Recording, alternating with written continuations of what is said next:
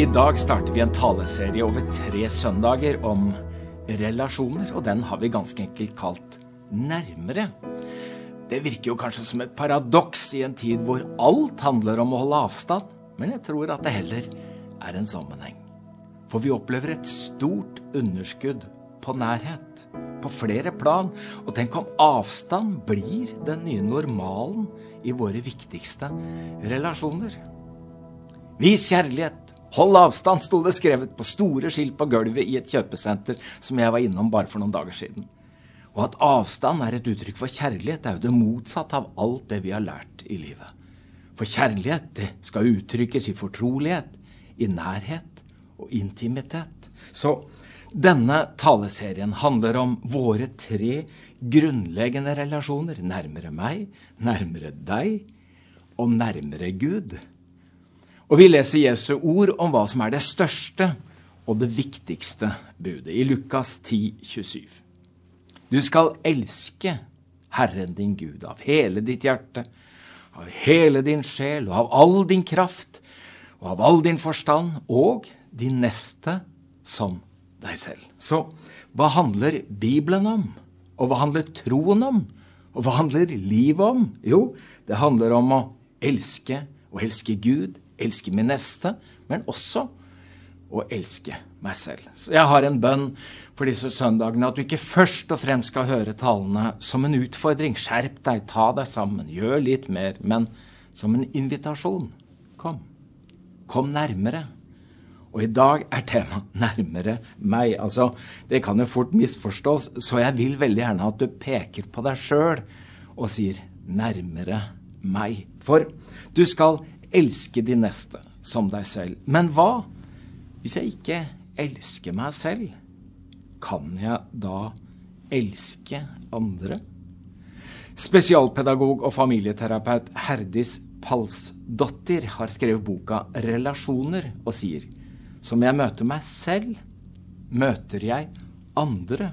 Og hvis det er sant, så betyr det da at hvis jeg forakter meg selv, så vil jeg forakte andre? Hvis jeg fordømmer meg selv, vil jeg da fordømme andre? Hvis jeg avviser meg selv, vil jeg da avvise andre? Men da må det jo også bety at når jeg respekterer meg selv, så kan jeg respektere andre. Og når jeg inkluderer meg selv, så kan jeg også inkludere andre. Og når jeg elsker meg selv med betingelsesløs kjærlighet, da kan jeg elske andre med betingelsesløs kjærlighet. I bånn må vi ha et sant selvbilde. For når jeg presenterer meg selv, så sier jeg gjerne navn og bosted, sivilstatus, yrke og alder, slik det står i mine ID-papirer. Og det er fakta om meg. Men min selvfølelse er jo min opplevde identitet, og mye mer definerende for meg om hvem jeg egentlig er. På de områdene jeg leverer og presterer, så kan jeg ha høy selvtillit. Selvtilliten gir tro på meg selv, om hva jeg kan få til, om jeg vil. Men selv om jeg har høy selvtillit, så kan jeg ha veldig lav selvfølelse. For hvem elsker meg for hvem jeg er, hvis jeg ikke leverer og presterer? Derfor er det jo mange som ikke vet hvem de er eller hva de har vært, når de mister jobben, går av med pensjon eller blir uføretrygda. I en undersøkelse der barn svarte på spørsmål om hvem de trodde var glad i dem, så svarte 12% av barna. Jeg vet ikke om noen som er glad i meg for min egen skyld, bortsett fra katten eller hunden min. Da er det ikke noe rart at barn ønsker seg kjæledyr. Det snakkes mye om betydningen av å ha et positivt selvbilde, og jeg forstår hensikten, men jeg tror at det er upresist, og i verste fall så kan det være skadelig. For hvis selvbildet mitt bare kan romme det positive, så må jeg fornekte og fortrenge alle de svake og dårlige egenskapene. Da blir det jo et usynt selvbilde, og jeg går på en smell før eller siden. Det viktigste er ikke å ha et positivt selvbilde, men å ha et sant selvbilde. Og få et positivt forhold til det selvbildet som rommer både mine styrker og mine svakheter, mine gode og dårlige egenskaper.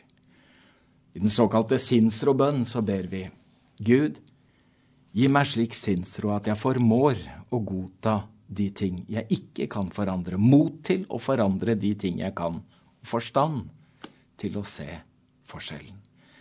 Jerusalem spredde ryktene seg raskt om den radikale predikanten som gikk i kamelhårskapp og spiste gresshopper og vill honning. Og noen mente at han faktisk var Messias, andre lurte på om det kunne være ildprofeten Elia i ny tapning. Og de sendte ut noen prester og levitter i ørkenen for å spørre han selv. Johannes 1, vers 22 leser vi. Hvem er du da? sa de. Vi må ha et svar å gi dem som har sendt oss. Hva sier du om deg selv? Og døperen Johannes, han visste hvem han ikke var.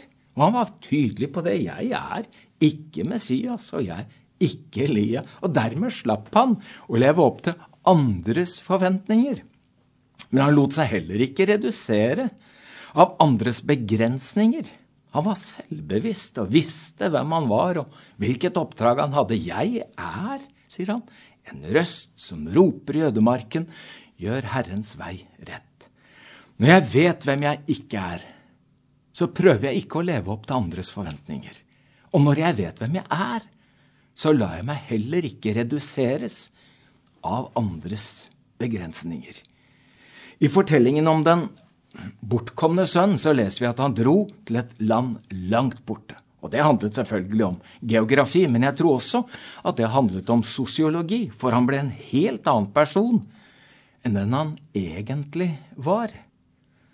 Det første vendepunktet i fortellingen om den bortkomne sønnen handlet ikke om å reise til et annet sted, men å finne ut hvem han var, og hvem han ville være.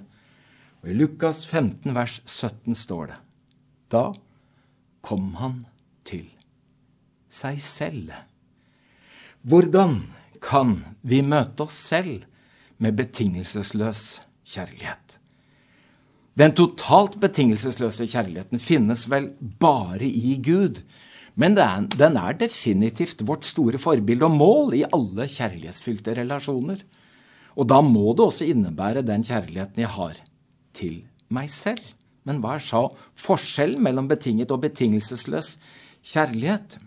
Jo, betinget kjærlighet kjennetegnes av at jeg ikke skiller mellom det jeg gjør, og det jeg er.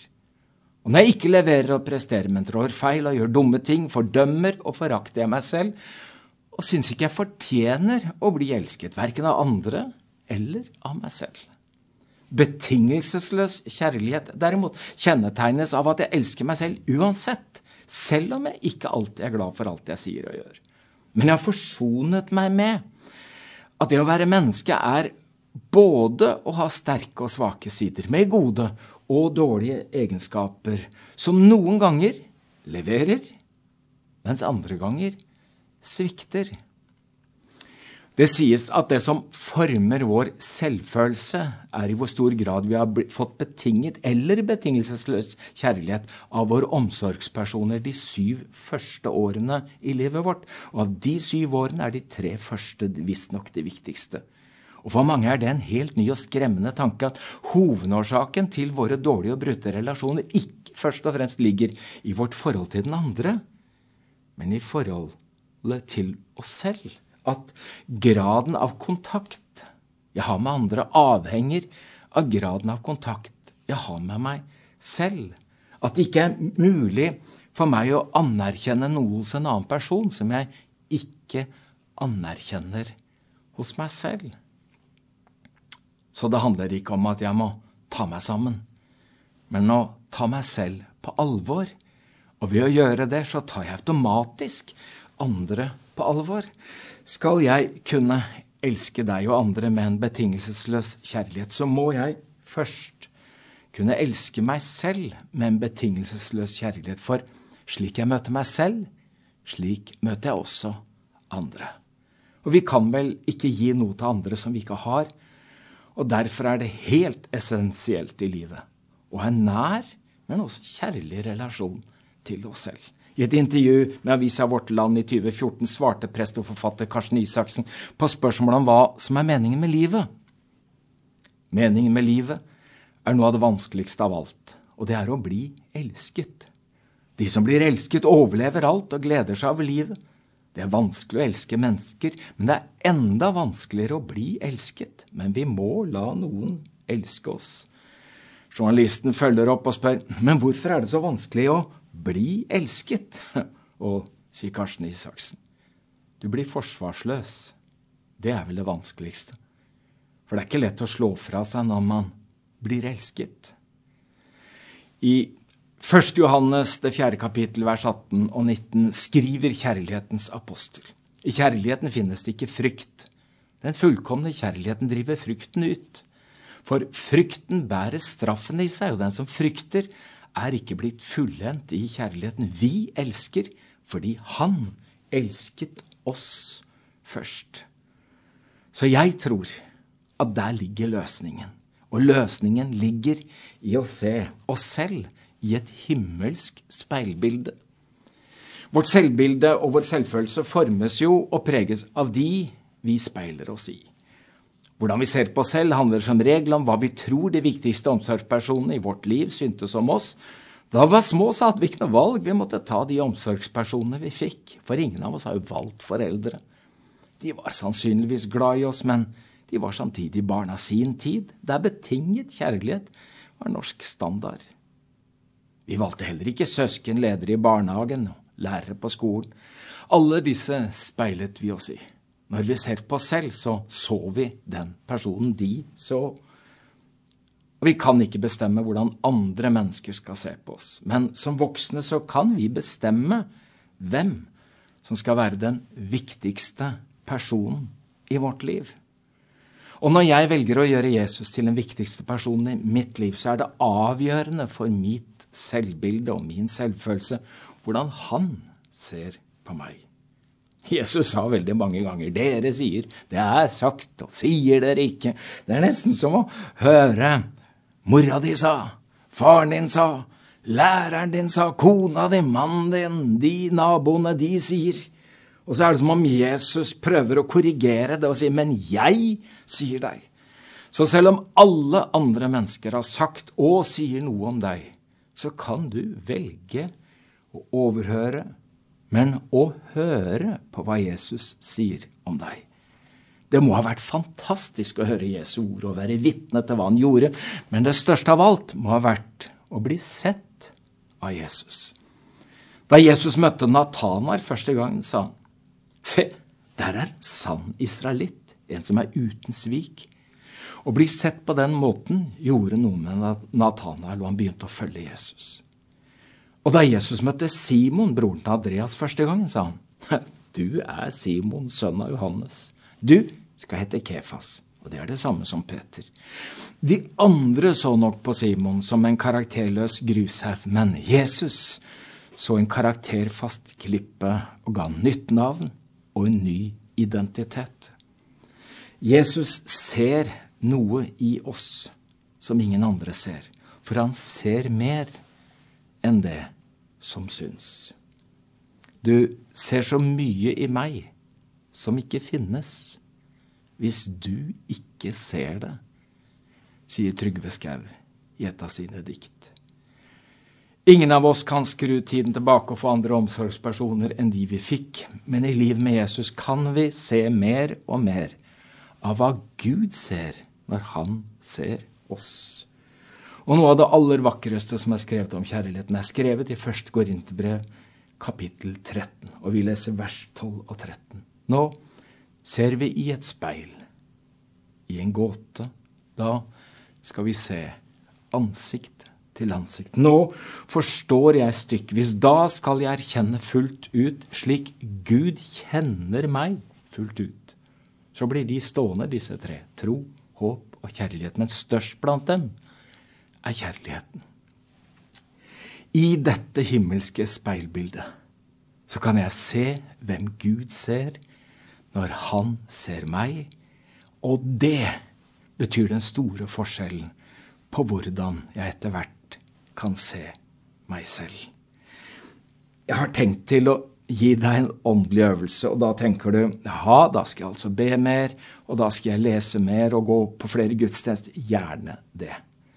Men hvis du sliter med et dårlig selvbilde og en lav selvfølelse, så vil jeg anbefale deg gjerne daglig, og gjerne over lengre tid, å stille deg foran et stort speil som rommer hele deg. Ta deg god tid til å se på deg selv. Og si det så høyt at du hører det selv. Jeg er elsket av Gud, og derfor vil jeg også elske meg selv. Herre, jeg takker deg for at når vi kommer til tro på deg, så får vi se hvordan Gud ser på oss. Jeg takker deg for at du ikke gjør oss mindre, men du gjør oss større. Du ikke ber oss å spille rolle og bære maske, men vi får lov å være akkurat den vi er, fordi vi er elsket av deg. Så ber jeg deg, hjelp oss, så vi også kan lære å elske oss selv med en betingelsesløs kjærlighet. Amen.